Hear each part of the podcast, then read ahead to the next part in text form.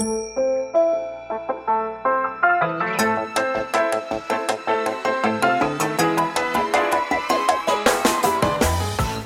lieve luisteraars, welkom bij de Stories of Inspiration podcast van What's Your Story. De podcast waarin ik jou laat horen dat er achter ieder gezicht een inspiratiebron schuilt. En waarin ik jou heel veel tips ga geven over hoe jij meer naar buiten kunt treden met jouw authentieke verhaal. Heel veel plezier met luisteren en na afloop ben ik onwijs benieuwd wat je ervan vond.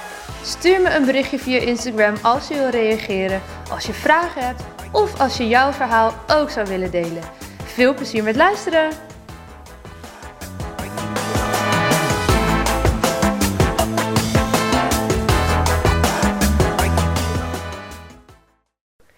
Vandaag spreek ik met Annelies Bondo. We hebben het in deze podcast over verschillende T-splitsingen, om ze zo te noemen, waarin je de grip op het leven even volledig lijkt kwijt te raken. Ik stel de vraag of het eigenlijk wel nodig is dat je grip hebt, maar vooral hoe ga je ermee om als dit gebeurt? Voor haar gebeurde dit al tijdens de studietijd, tegen de tijd dat ze aan het afstuderen was. Um, en ook later, toen zij een relatie kreeg met uh, nu inmiddels haar man en vader van hun twee zoons, uh, die in, destijds nog in het AZC woonden. En daarnaast hebben we het ook over haar chronische ziekte. Ze heeft een chronische darmontsteking. En ook dat zette haar leven volledig op de kop toen ze dat hoorde. De artsen zeiden eigenlijk: ja, met deze diagnose valt het allemaal wel mee. Terwijl zij eigenlijk voelde: kan ik nog wel iets? Kan ik nog voor mijn kinderen zorgen? Kan ik nog werken? Kan ik nog dromen? Wat doet het met je en hoe ga je ermee om? En welke tips heeft ze voor jullie? Daar gaan we het over hebben. Ik wens jullie heel veel plezier met luisteren. Annelies, welkom bij mij thuis in Groningen. Dankjewel. Super leuk dat je vandaag te gast bent in de Stories of Inspiration podcast. Yes. En uh, voor ik je ga vragen om jezelf voor te stellen, val ik gelijk met de deur in huis. Mijn openingsvraag voor jou: wie is jouw grootste inspiratiebron? Ja, mijn grootste inspiratiebron is dokter Dennis Mukwege. Het is een, en voor uh, iedereen ja. die het kent, moet ik hem kennen? Je sorry zou, als ik... Ja. Sorry, dokter. het is een, een Congolese gynaecoloog. Ja. Die um, volgens mij vorig jaar de Nobelprijs voor de Vrede heeft gewonnen. Mm -hmm.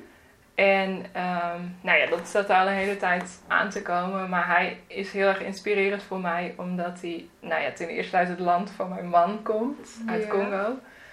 Uh, maar ook, uh, het is een gynaecoloog. En in Congo is natuurlijk heel lang oorlog geweest. En um, wordt ook heel erg verkrachting ingezet als oorlogswapen. Um, en hij helpt zeg maar vrouwen die uh, verkracht zijn en um, daardoor beschadigd zijn. Ja. Um, helpt hij zowel fysiek, maar hij heeft ook een heel centrum opgericht, het Panzi Hospital in Congo, waar die zeg maar die vrouwen weer heel erg um, nou, hoop geeft. Oh, en, mooi. Ja. En nou ja, hun eigenlijk weer een toekomst biedt, zeg maar. En ja, waarom inspireert hij mij nou zo? Ja. Omdat, um, ja, ik vind het zo, het is zo vreselijk, hè, wat, wat, wat zeg maar die vrouw wordt aangedaan. En dat iemand dan uh, met gevaar voor zijn eigen leven um, zich daar zo voor inzet. Ja. ja, want wat hij doet, je bedoelt gevaar voor zijn leven. Ja. Want dat is niet geaccepteerd dat hij dat doet. Nee. Of hoe moet ik me dat voorstellen? Ik ben nooit in Congo geweest. Ik ook niet, maar... Nee, oh nee? nee, nee, nee, Willen jullie daar nog heen? Kan dat überhaupt? Nou ja, we willen wel graag, maar het is, nou ja, het is niet zo makkelijk als uh, een, een, een redelijk toeristische bestemming. Nee. Nee, dus... Ja. Uh, Komen we straks nog even op terug, denk Ja. ik, op het verhaal van je nu man inmiddels. Ja. Ja, je wou zeggen waarom ik hem zo inspirerend vind. Nou ja, omdat zeg maar daar is. ja, Oh ja, jij vroeg van hè, eh, bedreigd. Het klopt, hij Ja. wordt echt met, met de dood bedreigd. Er zijn meerdere aanvallen op zijn leven ook eh, geweest. Ja, dat Ehm. is echt serieus. Ja. Omdat hij is ook de stem van die vrouwen, zeg maar. ehm, en de stem van dat het, eh, dat het geweld moet stoppen. Ja. Ehm, dus dat vind ik heel inspirerend, hè, dat hij zo gaat staan voor zijn mening en, Ja. en daarmee voor zeg maar een hele groep vrouwen. Maar ook hoe hij dat doet vind ik heel inspirerend, want ehm, nou ja, hij biedt ze gewoon eigenlijk weer een, een toekomst en hij noemt bijvoorbeeld de vrouwen die daar ehm, zijn ook survivors. Oh ja. In plaats van hè, slachtoffers. Victims Ja. of ja. Ja, dus dat vind ik zo... Ja, ik krijg gewoon kippenvel van. Ja, ik zie het. Jullie kunnen het niet zien als je aan het luisteren bent, maar het is echt... eh, Ja. Terwijl het hier best wel lekker warm is in huis. Ja, dat, vind ik, dat raakt me echt diep. Ja. Ja. Mooi. En wat dus heel tof is, hij was heel lang, nou ja, hè, vooral ehm eh, vluchtelingwerk is ook heel erg, of Stichting Vluchteling, die ja, support hem ook heel erg. En Ja. eh, nou ja, andere organisaties. En al heel lang werd hij, zeg maar, eh, aangedragen om de Nobelprijs voor de Vrede te winnen. Ja. En nou ja, iedere keer was het, was het niet zo. En ehm, Nu uiteindelijk, eindelijk heeft eindelijk hij, heeft hij hem gekregen. Ja. En, Het is toch ook wel een hele grote erkenning voor zo'n belangrijk werk. exact. Ja. Ja. Mooi. Mooi dat dat... eh mooie inspiratiebron. Ik ga Ja. hem eens eh, opzoeken. Ik ben nu al nieuwsgierig geworden. Ja, zeker. Ja, echt de moeite waard. hey, en Congo, daar is het niet... eh, daar is het nog niet mee klaar, jouw verhaal. zeker niet. Nee. Want jouw man komt daar vandaan. Kun je daar iets meer over vertellen? Ja, mijn man komt uit Congo. Hij eh, ehm, is in 2001 naar Nederland gevlucht. Ja. En ehm, ik heb hem in, eh, in Nederland eh, leren kennen. En eh, nou ja, inmiddels zijn wij 15 jaar samen.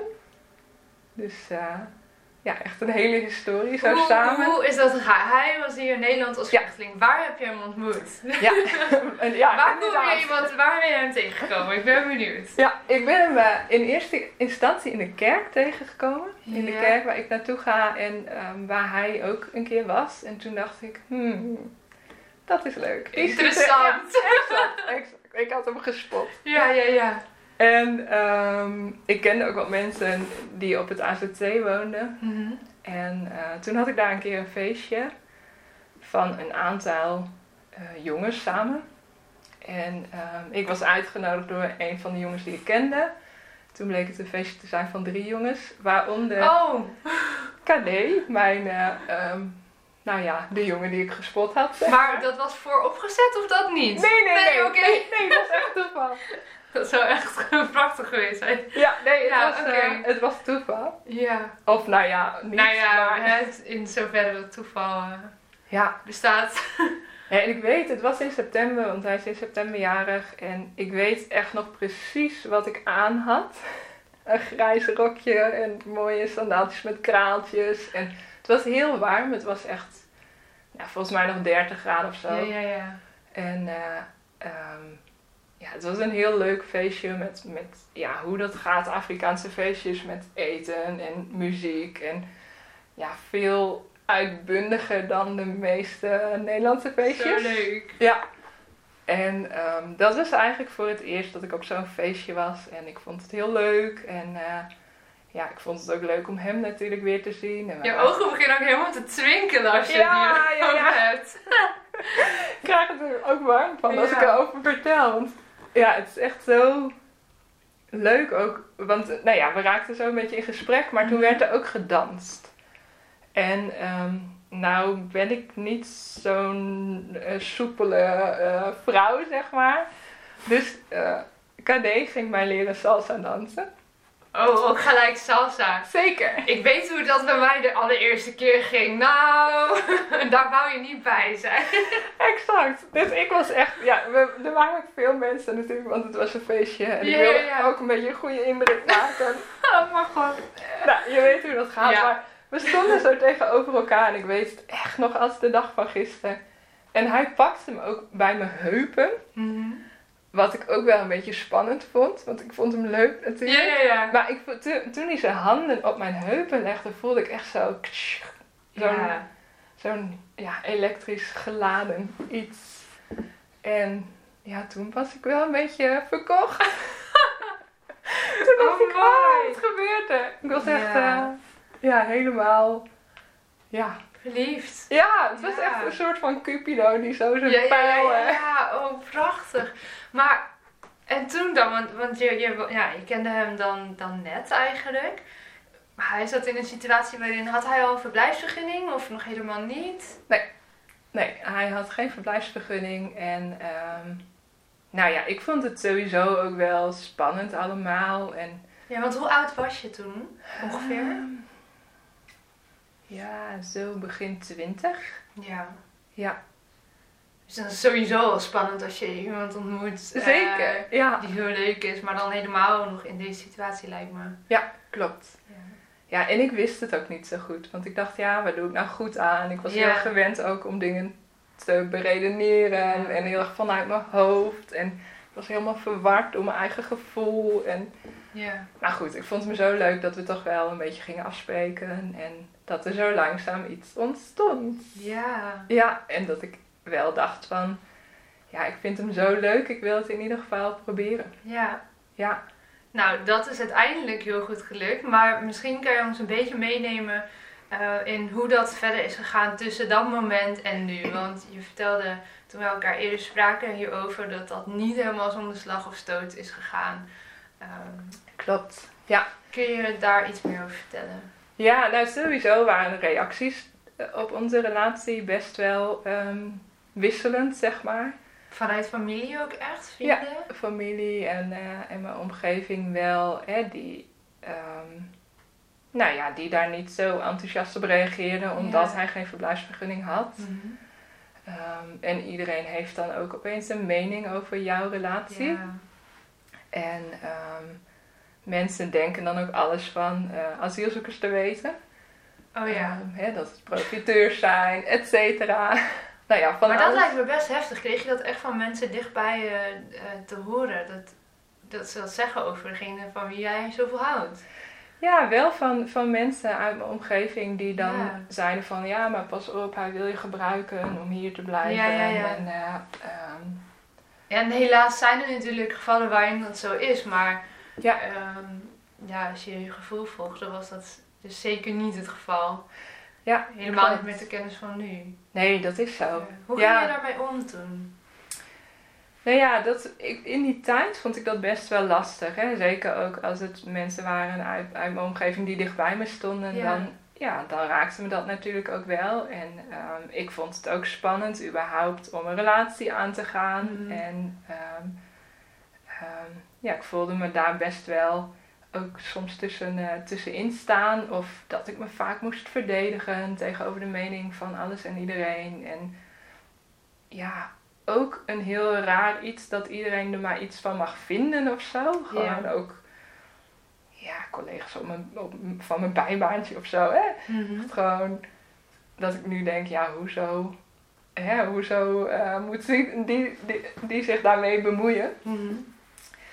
En ja, hoe ben ik daarmee omgegaan? Toch wel heel erg de focus op ons ook. En, en een beetje van pluk de dag. We zien wel Ja. waar het... Dat was ook wel telkens wat ik me in die periode... ehm, wat voor ogen hield van... Ja, weet je, we, zijn, we hebben net een relatie en we zien het wel. Ik bedoel, ja, wie zegt dat het voor eeuwig is? Dat, dat weet je met een relatie eh, als je jong bent ook ook niet per se. Nou, ik vond het ook wel lastig om een serieuze relatie aan te gaan en me te binden. En Mm. eh, ja, dat, dat was niet echt mijn sterkste punt op dat moment. Ja. Dus ik had een beetje voor mezelf zo van, nou ja, we zien het wel en eh, we kijken wel hoe het gaat, hoe het zich ontwikkelt. ja, mooi. Ja. En uiteindelijk heeft hij een verblijfsvergunning gekregen, toch? Ja, dat was ook nog best wel eh, een, een bijzonder verhaal, want ehm, eigenlijk moest hij terug, eh, terug naar Congo. Hij was uitgeprocedeerd. Hij had meerdere procedures eh, gehad en de bewijsstukken waren niet voldoende. Ehm, nou ja, en in die periode bleek ik ook in verwachting te zijn van onze inmiddels 12-jarige zoon. Ja. Wow, maar dat is heftig. Je bent zwanger en je hoort dat je man terug moet naar Congo. Ja, dat was echt eh ja, vreselijke tijd eigenlijk. Ja. Kan ik nu zeggen. Ja. Met, een, met een glimlach op mijn gezicht, omdat het goed is afgelopen. Maar ja, dat was echt heel, heel naar. Waarom moest hij terug?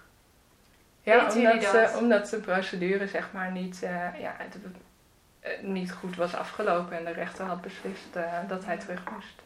En hoe is het dan toch zo gekomen dat hij mocht blijven? Was dat omdat je zwanger was? Of is dat Nee, nee, nee, dat denken dus heel veel mensen. Ja, nou maar ja, dat, dat... is ook het eerste wat in mij opkomt. Ja. Maar dat is dus niet zo. Nee, want dat had daar helemaal geen invloed op.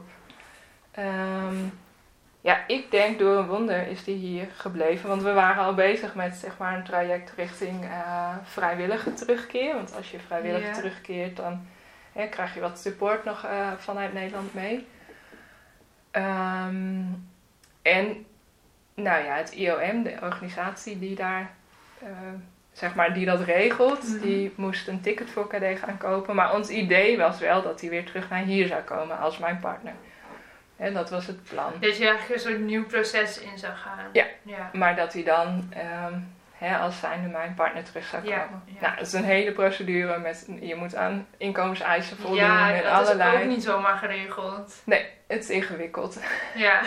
En ik wilde natuurlijk ook heel graag ehm, hè, dat, dat hij gewoon vader kon zijn voor, Ja, voor ons kind. ook dat nog eens, ja. Ja, want ergens onderweg, hè, to- vooral toen ik ehm, wist dat hij terug moest, toen dacht ik van, ja, ik wil, hè, heel de tijd was ik zo zelf ook nog wat van, nou ja, we zien wel hoe het afloopt. Maar toen Mhm. hij, ehm, ja, toen hij daadwerkelijk terug moest naar Congo, toen dacht ik, ja, maar dat wil ik helemaal niet, want Nee. ik hou heel veel van hem en Ja. hij is de man van mijn dromen. En ja, toen was dat gewoon helemaal zeker. Maar en wanneer, hoe, wanneer hebben jullie gehoord dan dat hij mocht blijven? Nou ja, toen ehm, we dus in contact waren met het IOM en ehm, die zijn terugkeer zouden gaan regelen en ehm, die een ticket voor hem zouden gaan boeken. Die zouden dat gaan doen, maar hij had een boete gekregen voor fietsen zonder licht. En ik was in eerste instantie een beetje zaggerijnig, want als hij die boete niet had gekregen, hadden ze een ticket kunnen boeken en dan had hij zeg maar snel teruggekund. Ja. Nou ja, en ik hoopte dan ook snel weer terug. Maar goed, ehm, uiteindelijk is dat zeg maar onze redding geweest. Omdat toen konden ze eerst niet het ticket boeken. Want met een openstaande boete had hij dan niet weer terug kunnen komen, zeg maar later, hè? Oh, als zijnde mijn partner. En ehm, toen hij die boete had en we zeg maar in afwachting waren, want het CEB is natuurlijk ook niet zo heel snel met het verwerken Nee. van betaalde boetes. Toen viel het kabinet. Oh my god! Ja, toen viel gewoon het kabinet. En toen was er zo, nadat het kabinet was gevallen, eh, sprake van misschien komt er wel een generaal pardon. Wauw. Ja, En dat kwam er. en uiteindelijk is dat gekomen. En was hij echt, hij is in maart 2001 hier gekomen. En, ehm, nou ja, je moest voor 1 april 2001 in Nederland zijn gekomen om Oh mensen, Zeg maar- viel er ook echt nog maar net in. om in aanmerking te kunnen komen voor dat generaal pardon. Dus fietsen zonder licht kan bij hoge uitzonderingen een verstandig besluit zijn. Zeker, We zeker. gaan het niemand aanraden. Klopt. Wow, wat een verhaal hé. Ja. Ja, Dat heeft zo moeten zijn. Zeker. Daar zijn wij ook van overtuigd. Ja. Dus uiteindelijk is hij helemaal niet, weer- niet teruggegaan. Hoeft hij niet heen en weer of whatsoever. Mhm. Wat fijn zeg. Ja. Ja. En het was nog steeds, ook zeg maar hè, in die periode, want ja, het was nog steeds heel spannend. En hij zat in het Mm. vertrekcentrum in Ter Apel. En nou ja, ik weet niet of mensen dat kennen, maar het is echt een van de meest treurige plekken op, eh, nou, op aarde haast, zou ik zeggen. Dat, nou, dus dat misschien overdreven, maar in Nederland wel. Het is Ja. gewoon, ja, mensen zitten daar alsof ze een soort van gevangenen zijn met Ja. een hek wat dicht gaat. En je moet je elke dag melden met vingerafdrukken en je mag niks zelf Ja, besluiten. dat is echt heftig man. Ja. Mocht jij daar wel naartoe of mocht je daar ook niet naar binnen überhaupt? Ja, ik mocht daar wel naartoe, maar dat vond ik ook best ingewikkeld. Dus hij kwam heel vaak, ehm, ja, zo vaak als het kon, zeg maar, bij mij. Maar vanuit de Apel moest hij dan, ehm, nou ja, echt een paar uur in de bus zitten. Ja, maar het is ook zo'n uithoek. Klopt. Maar goed, wat, wat toen wel heel tof was. Ik werkte toen eh, bij de reclassering en wij werkten eh, in de gevangenis van Ter Apel. Nou, dat was er een, nou ja, ongeveer Oh, naast, zeg ja, maar. Ja, ja. En dan soms namen mijn collega's hem mee als ze daar een afspraak hadden. of ze Oh, dat is wel terug. echt heel lief. Ja, Ja, mooi man. ja, Dus dat is uiteindelijk goed afgelopen. Jullie hebben zelfs een zoon gekregen, vertelde je. ja. En nog een kindje, toch? Ja. Twee zoons. Twee jongens. Precies, ik wou zeggen, we vergeten er één. Ja. Ja, fantastisch. Wat een verhaal. Ja. Ja. hey, we gaan even een bruggetje maken, want dit is ehm, zeker niet het enige keerpunt geweest in jouw leven, heb je mij verteld. Dat Ehm, klopt. Ja. Ja. ik zou wel bijna willen zeggen welke kiezen we als volgende, maar dat klinkt Ja. ook zo heftig. Nee, want jij hebt me verteld, er zijn gewoon een aantal momenten geweest waar, waar jij op een soort van T-splitsing stond. En eh, waarin je ook wel hebt gevoeld van nou, ik weet het gewoon echt even niet meer. En ik ben de grip kwijt. Ehm, ik weet niet of ik überhaupt grip moet hebben, maar ik, het voelt alsof die nergens is in mijn leven. Ja. Ehm, op welk moment heb je dat gevoel voor het eerst gehad? Even los van je relatie. Weet je Ja. dat? Nou ja, ik denk toen ik aan het afstuderen was. Dus dat was inderdaad nog voor, eh, voor mijn relatie. Wel een beetje, ja, zo vlak daarna ontmoette ik Adé. Mhm. Maar toen ik aan het afstuderen was, toen nam ik heel veel dingen op me. Mhm. Ik werkte veel in projectgroepjes en eh, ehm, nou ja, ik vond dat eigenlijk best vervelend, want er waren altijd mensen die de kantjes eraf liepen. En ik had een hoge standaard, ik was erg perfectionistisch en ehm, ja, ik nam dan veel meer taken op me van- in die projectgroepjes dan, eh, ehm, dan eigenlijk zou moeten, maar Ja. ik wilde het tot een goed einde brengen. Mhm.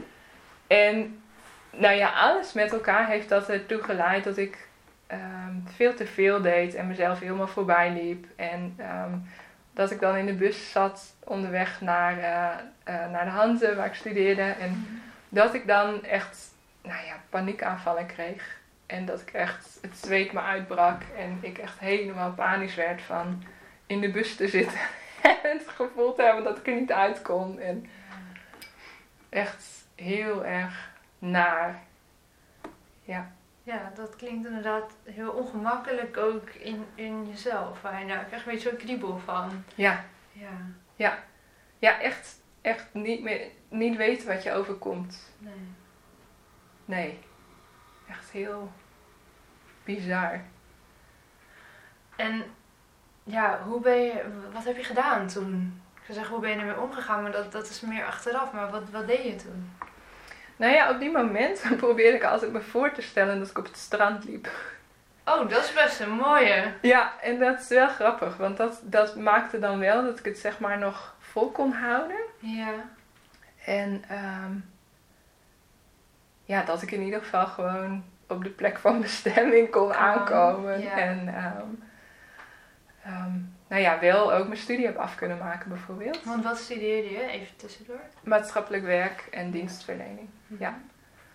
En ehm, nee, het was in het laatste jaar, dus ik had ook wel stage gelopen. En eh, nou, ik was, eh, zeg maar, de eindstreep was in zicht. En, eh, en toen gebeurde dat.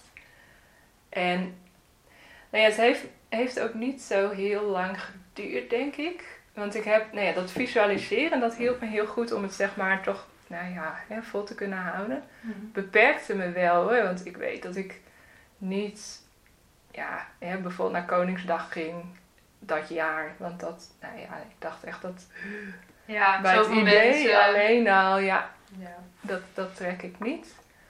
En ik heb toen hulp gezocht ook bij iemand om, om eigenlijk te kijken, hey, wat gebeurt er nou en, en wat kun Ja. je ook ja, daaraan doen. En Wat leerde je daar? Nou, eigenlijk een hele. Ik weet dat die meneer dat toen zei. ik leerde daar veel nog hoor. Even een paar, wat komt er als eerste in je op? Wat, wat heb je echt daar geleerd? nou, als eerste ehm, had ik een idee van hoe hulp eruit zag, wat niet klopte bij, bij zeg maar, eh, waar ik toen kwam. Dat was een heel andere manier van hoe hulp eruit zag. Want ik dacht, Ah. nou ja, we moeten hè, ook weer heel planmatig, we moeten ehm, nou, zeggen van ik moet hier zo vaak komen en dan is het weer klaar. Oh ja. Ik was het hele, ik had alleen maar het eindresultaat eh, Ja. in mijn hoofd. Ook vanuit hoe je, je het in je studie hebt geleerd? Exact. Ja. Ja. Maar en hoe ging het dan wel? Nou ja, veel vrijer. Die, Ja. die man zei als eerste, oh ja, en het was een man. Dat vond ik ook wel wat awkward, weet ik nog. Het was een beetje zo'n typische geitenwolle sok meneer. En die me uiteindelijk echt super heeft geholpen. Want toen ik dat zei van, maar hoe vaak moet ik hier dan komen? En eh, wanneer is het dan klaar? Hij zei, ja, dat bepaal je zelf. Ja. En hij zegt, want als we dat nu gaan afspreken, ja, dan kun je ook weer eh, falen. En dan kan Ja. het precies weer gebeuren wat er ook gebeurde. Ja, Dus, dus, nou die ja. kreeg je gelijk Boem. gespiegeld. Wauw. Ja, Ja. en toen dacht ik, dat is wel heel zinnig wat die meneer zegt. Dus eh, van hem kan Laat ik ik maar vast, luisteren. van hem kan ik vast wel wat dingen leren. Ja. Ja. Ja, en wat hij ook heeft geleerd, dat je lichaam dus heel veel ehm, signalen geeft. Dat het niet opeens zomaar ehm, is dat je, ehm, nou ja, hè, paniekaanvallen krijgt. Hmm. Maar dat er dingen aan vooraf gaan die ik, ja, al die subtiele signalen had ik zeg maar genegeerd. Ja. Wat voor signalen had je ge- gekregen als je daar achteraf op terugkijkt? Nou, het is best een tijd terug, dus dat, dat weet ik niet zo heel goed meer. Maar ik weet wel dat het niet heeft geholpen dat ik veel meer extra dingen ging doen. Nee. En hè, dat ik ja, de lat zo ongelooflijk hoog voor mezelf had liggen. eh, ja, dat ik maar doorging en doorging. Ja, dat, dat heeft niet eh Lukt geholpen. het nu om die lat voor jezelf dan wat lager te leggen? Waar, waar heb je hem nu gelegd? Is er nog sprake van een lat? Nou ja, ik heb een beetje een mantra voor mezelf. Of dat zijn wel wisselende de mantra's eigenlijk zo in mijn leven. Maar één is bijvoorbeeld wel goed is goed genoeg. Ja. En dat...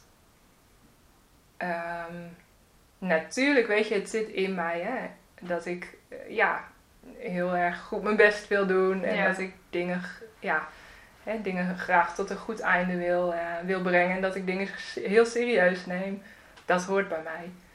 Maar dat gaat nu niet meer zo ten koste van mezelf. ja. Dus goed is goed genoeg. Ja, Ja. Ja. Mooi, belangrijk. Ook in je leven nu, denk ik. Ehm, want jij vertelde, je hebt een chronische ziekte waar je rekening mee hebt te houden. Ja. Ehm, is het daarin ook extra belangrijk dat het, goed is goed genoeg mantra? Jazeker, ja, heel erg. Want ik heb eh, te maken met beperkte energie ook. En Ja, want wat, he- wat heb je? ik heb een eh, chronische darmziekte, ehm, wat nu aardig eh, stabiel is. Ehm, maar goed, wat ieder moment op kan spelen, dus het is vrij onvoorspelbaar. Ehm, nou ja, en ik merk het bijvoorbeeld wel dat ik eh, met voeding goed moet opletten. Ehm, ik heb ontdekt dat eh, ik, als ik geen gluten eet, dan heb ik veel minder buikpijn en veel minder Ja. een opgeblazen buik. Maar het meeste hinder heb ik eigenlijk van, van ja, energie wat niet heel ehm, ja, royaal is bij mij, zeg maar. Ja. Maar Ja. wanneer, want wanneer kreeg je dat te horen, dat je dat hebt? Ehm, ja, drie jaar terug ongeveer. Want was dat dan ook in navolging van wat we al besproken hebben, ook weer zo'n moment dat je echt die grip kwijtraakte? Of was dat in dit geval minder zo? Nee, dat was echt vreselijk zo. ja, dat was echt. Ehm, nou ja, ik weet nog dat de arts zei van, oh, nou ja, het, eh, het is dat. En eh, haast een soort van, oh, het valt wel mee of zo. Terwijl ik dacht, oh, nu houdt mijn. Ja, ik dacht echt toen een beetje, nu stort mijn wereld in. En ik dacht, kan ik nog wel werken? En kan ik wel voor mijn kinderen zorgen? Ja. ehm, kan ik dromen die ik heb toch wel verwezenlijken? Of, nou ja, ik dacht toen echt van hier stopt het. Ook omdat ik op dat moment echt heel erg moe was. Mhm. Echt heel erg moe. Dat ik gewoon, ja, eigenlijk wel de halve dag kon slapen. En ehm, ik kon ook niet meer volledig werken na ehm, bijvoorbeeld Mhm. de, nou ja, de zorg voor mijn kinderen was echt. Mijn, mijn jongste was toen één of twee, denk ik. Ja, ik had gewoon heel vaak gewoon. Was zelfs hij met te veel of zo. Ja. En ehm, ja, ik, en ik dacht echt van nu houdt het op of zo. En ook, ik kan geen dromen meer hebben. Want ik had bijvoorbeeld altijd wel de droom om iets voor mezelf te beginnen. Nou ja, ik dacht dat. Door hoe lukt het om überhaupt weer. Gewoon de normale dingen überhaupt al te doen. Ja. Ja. Hoe heb je de draad weer opgepakt toen? Ehm, nou ja, eerst zat ik best wel in gevecht met mezelf. Want ik dacht, oké, ik moet dit gewoon accepteren en we moeten hier doorheen en dan gaat het wel weer goed. Ehm, maar eigenlijk toen ik dacht van dan gaat het wel weer goed, dan was pas het begin van het hele acceptatieproces. Echt eigenlijk heel naar. Kun je me een beetje meenemen in dat proces? Ik denk, ik vermoed dat het voor mij heel herkenbaar is, maar ik ben Ja. heel nieuwsgierig hoe dat voor jou is geweest. Nou ja, ik, ik had me eerst gedeeltelijk ziek gemeld op mijn werk. En eh, ik sliep veel, ik nam veel rust en ik kreeg medicatie, waardoor mijn darmen eh, rustiger werden. En eh, het echt leek alsof het wel weer de goede kant op ging. En toen dacht ik eigenlijk, oké, dit hebben we gehad en door. Ja. Maar goed, toen ging ik, of toen probeerde ik weer zeg maar de draad van het leven op te nemen. En toen kreeg ik hem echt keihard terug. Want toen merkte ik dat dat en door helemaal niet ging. En dat ik eigenlijk veel vermoeider was dan, ehm, ja, dan ik nog besefte. En ehm, dat dat balans houden ehm, echt veel ingewikkelder was dan ik dacht. Ja. En ook het idee van ja, de onzekerheid of zo waarmee je ja, dan leeft of zo. Van het kan ieder moment weer erger worden. En ook dat artsen je niet heel goed kunnen vertellen wat je dan moet doen. Want je wil Ja. iets doen. Ja. Tenminste ik. Ik wilde echt, ik wilde graag weten van, nou ja, wat moet ik wel doen, wat moet ik niet doen. Maar Ja. de artsen zeiden, ja, er is niet echt een, ja, je moet een beetje je eigen handleiding gaan uitvinden. ze. Ja, oh, vreselijk. Ik, ik snap dat ze het zeggen hoor, want ja, het, het is ook met hun beste intentie, maar... Exact. En Ja, ik wilde ik gewoon eigenlijk wel. een lijstje mee wat ik moest doen. Want ja, kon doe dit goed. en dan gaat het weg Exact. goed. Ja. Dan, en ook dan kun je er invloed op uitoefenen. Ja. En ik denk dat dat nog wel de grootste les is van dat je er geen, eigenlijk geen invloed op hebt of zo. En dat je daarmee moet dealen. En ehm, pas toen ik dat veel meer los kon laten, ontstond er ook ruimte. En Ehm, ja, eigenlijk het stuk van acceptatie van dat het zo was en dat ik er niks aan kon doen ook. Want ja, ergens komen er dan toch ook wel dingen van, oh had ik maar eh, wat eerder wat rustig aangedaan. Of nou ja, weet ik Ja, veel. allemaal. oorzaak nu echt voor de vermoeidheid ook. Dat klopt, Ja. ja. ja. Dus dat was wel wat me uiteindelijk heeft geholpen, zeg maar, om, nou ja, toch anders in het leven te Ja. te komen staan of zo. En ehm, ja, daardoor dingen meer los te laten. En daarin is mijn man ook wel heel erg een steun voor mij. Want hij kan dat van nature echt zoveel beter. En hij zegt ook heel vaak, weet je, ga gewoon even rusten als je dat nodig hebt. Terwijl ik dan dacht, nee, maar ik moet eerst nog, het huis moet wel schoon. Of Is dat een cultureel ding ook? dat denk ik wel. Dat denk ik wel. En ik denk dat hij gewoon echt veel beter naar zijn gevoel kan luisteren. Ja. En naar die subtiele signalen, zeg maar. eh, dat hij die beter verstaat dan ik. Ja. ja, je lacht erbij, maar... Ja. ja. En aan de ene kant brengt het me natuurlijk ook wat. Hè. Doorzettingsvermogen geeft ook Ja. dat ik ja, ben gekomen waar ik nu sta. Maar het moet wel meer in eh, evenwicht zijn. Meer dan dat het nu is nog, bedoel je? Of... Nou, dan dat het toen was. Ja, ja. Ja. Want hoe gaat het nu met je? Ja, eigenlijk best heel goed. Eigenlijk? Ja, nou ja, ik ben er altijd voorzichtig mee om dat te zeggen, omdat ehm, ja, met die darmen het is onvoorspelbaar en het kan iedere dag weer erger worden. Hmm. En dat weet ik niet, zeg maar, hè, of dat gebeurt of wanneer dat gebeurt. Is dat ook een soort toekomstperspectief van dit ziektebeeld dat het erger wordt of hoeft dat niet per se? Nee, eigenlijk weet je dat niet. Nee. En die onzekerheid, dat vind ik best wel ingewikkeld. Ja, snap ik. Ja. Ja. Ja, super herkenbaar. Ik heb natuurlijk met andere lichamelijke klachten te maken, maar wel een soort gelijk proces, denk ik. En dat durven loslaten en vertrouwen dat het echt wel goed komt. En luisteren überhaupt naar de signalen van je lichaam. Ja, ik heb Ja. het ook jarenlang eh, genegeerd. Ja. Dat kon ik erg goed. Ja, ja daar ik- betaal ik nu de prijs voor. Ja. Maar ja, Ja. Ik, ja, het is ook een stukje van dat, dat ik niet beter wist, denk ik, op dat moment. Ja.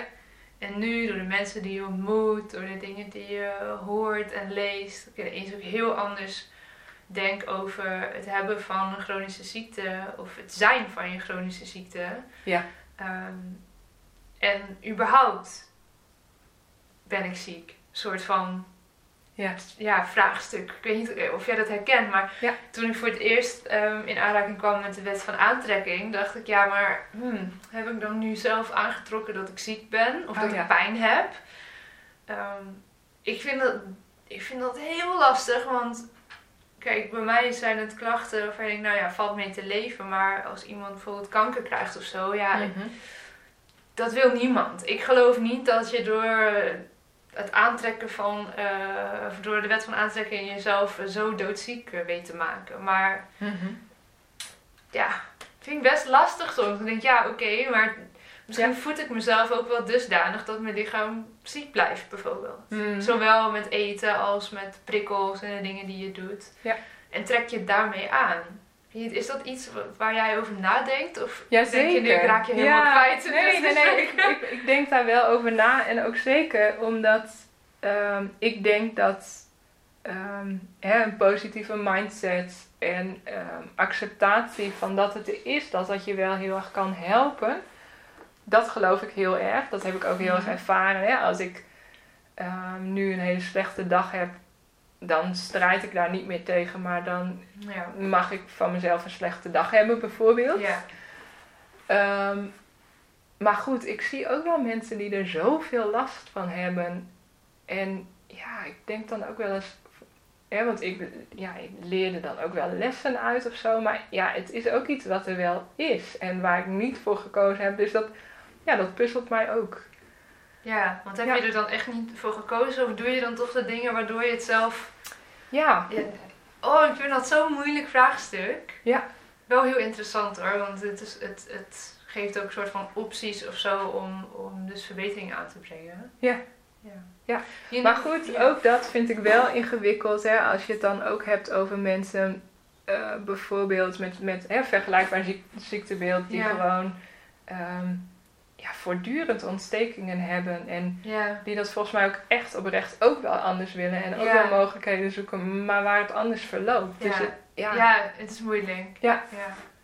Je noemde net heel even kort van ja, ik leerde ook wel lessen uit. Mhm. Ehm, is er één les, of misschien een aantal waarvan je zegt, ja, dat, dat is echt iets om te noemen en, en door te kunnen geven via deze podcast aan de luisteraars die jij hebt geleerd?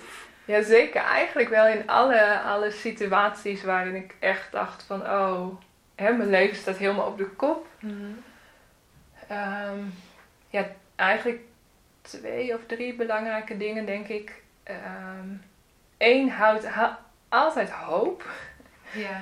Van het is geen ja, statische situatie of zo, hoewel dat soms wel ja, zo lijkt. En als je erin zit, dat dat ook ehm, ja, zo oprecht zo voelt. Hè, van hier kom Ja, ik nooit ja, meer uit. Maar ja, houdt wel altijd hoop dat het kan veranderen en dat het weer beter kan worden. Mooi. Ehm, wat me ook heel erg helpt om te, ja, te kijken naar kleine dingen die er wel zijn. Ehm, nee, dat kan. Ik kan echt van heel veel kleine dingen genieten. Vanmorgen reed ik bijvoorbeeld naar mijn werk en was het best heel koud. En ik had een beetje een gehaaste ochtend achter de rug. Maar toen zag Ja. ik de zon zo heel mooi opkomen. Wauw. En het is dan gewoon gratis en voor niks of zo. Maar je moet het wel zien. kunnen zien. Ja. Ja. Dus ja, en ook in de periode dat ik bijvoorbeeld ziek thuis was, ja, dat ik dan wel een heel mooi liedje op de radio kon horen of zo. Oh, ja. ja. Iets wat dan. Dus toch ook wel echt naar de lichtpuntjes en de mooie momenten blijven kijken. Zeker. Ja. Ja. Juist misschien wel in die periode. Ja. Ja. Want anders wordt het alleen maar zwart. Ja. Nou ja, en ook wel, wat, wat mij ook altijd wel heel erg heeft geholpen, gewoon ja, waardevolle mensen om me heen. Ja. die me echt hebben gesupport. En ehm, de mensen die er zijn, zeg maar. Maar ook de mensen die ik daarvoor heb opgezocht. Mhm. Ehm, ja, daar ben ik ook heel dankbaar voor. Ja. En dat is ook iets heel moois, denk ik. Dankbaarheid op zichzelf. Als je dat kan voelen en kan uitspreken ook. Ja, Dat creëert zo'n sfeer van liefde en warmte. En verbinding ook vooral. zeker. Ja. Ja, Mooi. Dankjewel Annelies. Graag gedaan. Ja, dat was hem weer voor deze keer. Dankjewel voor het luisteren en ik hoop dat je hebt genoten van deze podcast. Wil je me helpen deze podcast te laten groeien? Laat dan een recensie achter via iTunes of deel in je Instagram stories dat je hebt geluisterd en vergeet mij niet te taggen.